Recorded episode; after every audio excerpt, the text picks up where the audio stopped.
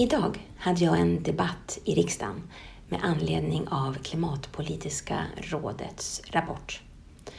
Efter den debatten så hade jag ett samtal med min kollega Gunilla Svantorp och det samtalet det följer här.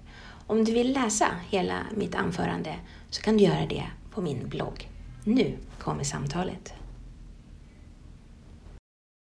Socialdemokraternas representant eh, vid dagens särskilda debatt var Marlene Burwick och jag sitter här med, med dig just nu. Eh, hur tycker du att den här debatten var, Marlene? Vad, vad, vad förde du fram som det viktigaste?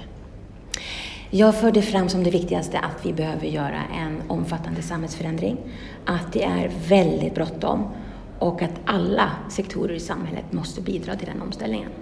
Mm. Var du överraskad över eh, någonting som någon av de andra sa? Ja, men det som man kan bli överraskad av är ju att alla partier säger ju att det är väldigt akut, att klimatkrisen eh, är ett faktum, att vi behöver göra saker. Ändå så har vi ju partier i den här kammaren som drev igenom en budget innan jul där man drar ner över två miljarder i miljö och klimatbudgeten. Och det är ju givet det vi faktiskt vet nu helt ofattbart. Och de partierna står ju i debatten och hävdar också att det är viktigt och att vi måste göra mycket saker. Och ändå så gör de de här drastiska nedskärningarna. Det tycker jag är förvånande.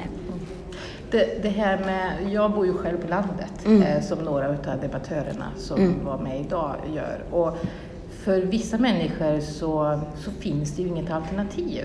Eh, hur, tänker, hur tänker vi socialdemokrater kring det där med att, att ha skilda världar så att säga. Att, att liksom se till så att man, man sätter in de starkaste åtgärderna där det faktiskt finns alternativ till bilen till exempel då om man tänker på det. Har vi några mm. konkreta förslag? Ja, men det är ju jätteviktigt och det är det vi lyfter upp, både i det nationella men också när det gäller EUs eh, klimatpolitik. För det vi säger nu är ju att, att, all, alltså att ingen kan lämnas efter. Det handlar ju om jobbtillfällen och det handlar ju väldigt konkret i det du tar upp, exempelvis om man bor på landsbygden och är, är i mångt och mycket beroende av att kunna köra bil. Det vi säger är ju att det finns ju en mycket större också eh, utväxling och, och eh, möjlighet i de större städerna också eh, att både i mycket större utsträckning använda sig av kollektivtrafik och på det sättet också ställa om. Eh, så det, det vi måste se är att vi har olika förutsättningar beroende var i landet som vi bor. Och utifrån det så formar vi den politik som, som vi gör. Men sen handlar det ju också om vilket bränsle som du tankar din bil på. Att vi får mer biodrivmedel, att vi genomdriver liksom en, en elektrifiering. Och det behöver vi också göra i hela landet så att man har möjlighet att också fortsätta att köra bil men att man kan göra det på, på, med förnybara eh, drivmedel. Så det där är oerhört viktigt och det är precis samma sak när det gäller EU, EUs klimatpolitik.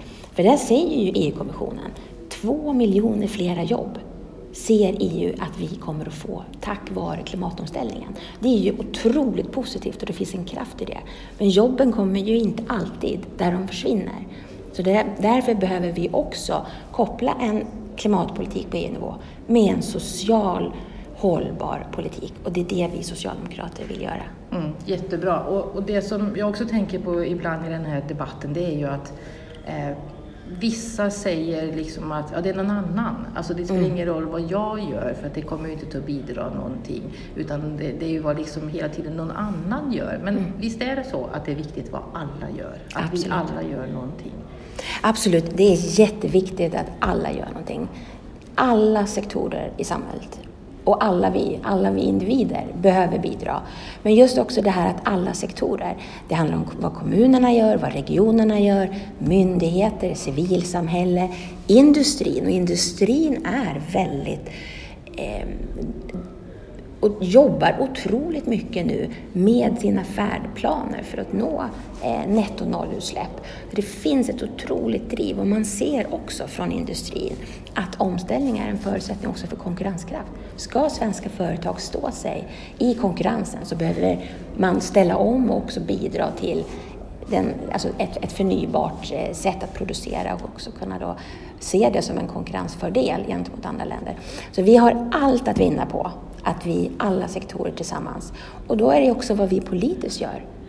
Då håller det inte att säga att det är viktigt och sen skära ner eh, budgeten med 40 procent som Moderaterna, Kristdemokraterna med stöd av Sverigedemokraterna gjorde. Nu hade vi möjlighet att återföra eh, medel i vårändringsbudgeten.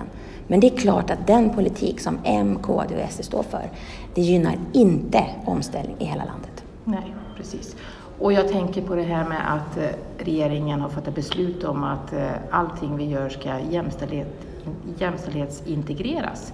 Tror du att vi kommer att få se något liknande när det handlar om att det ska klimatintegreras, eh, alla beslut? Tror du att det kommer så småningom? Ja, det tror jag att det gör. Och vi har ju två saker nu som, som är dels en stor och väldigt viktig punkt som finns i januariavtalet och det är att all relevant lagstiftning ska ses över med anledning just av eh, klimatkrisen.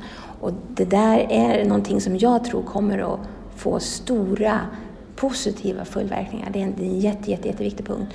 Och sen är det ju den klimathandlingsplan som regeringen ska leverera till riksdagen här i höst. Där kommer regeringen peka ut vad ska vi göra under den här mandatperioden för att nå eh, de mål som, som vi behöver nå under de här fyra åren. Och den kommer vara otroligt viktig och, och eh, jag tror att du är inne på någonting som eh, vi får se om det finns med i den här planen, men jag tror att det kommer att komma. För vi behöver verkligen tänka så hela tiden.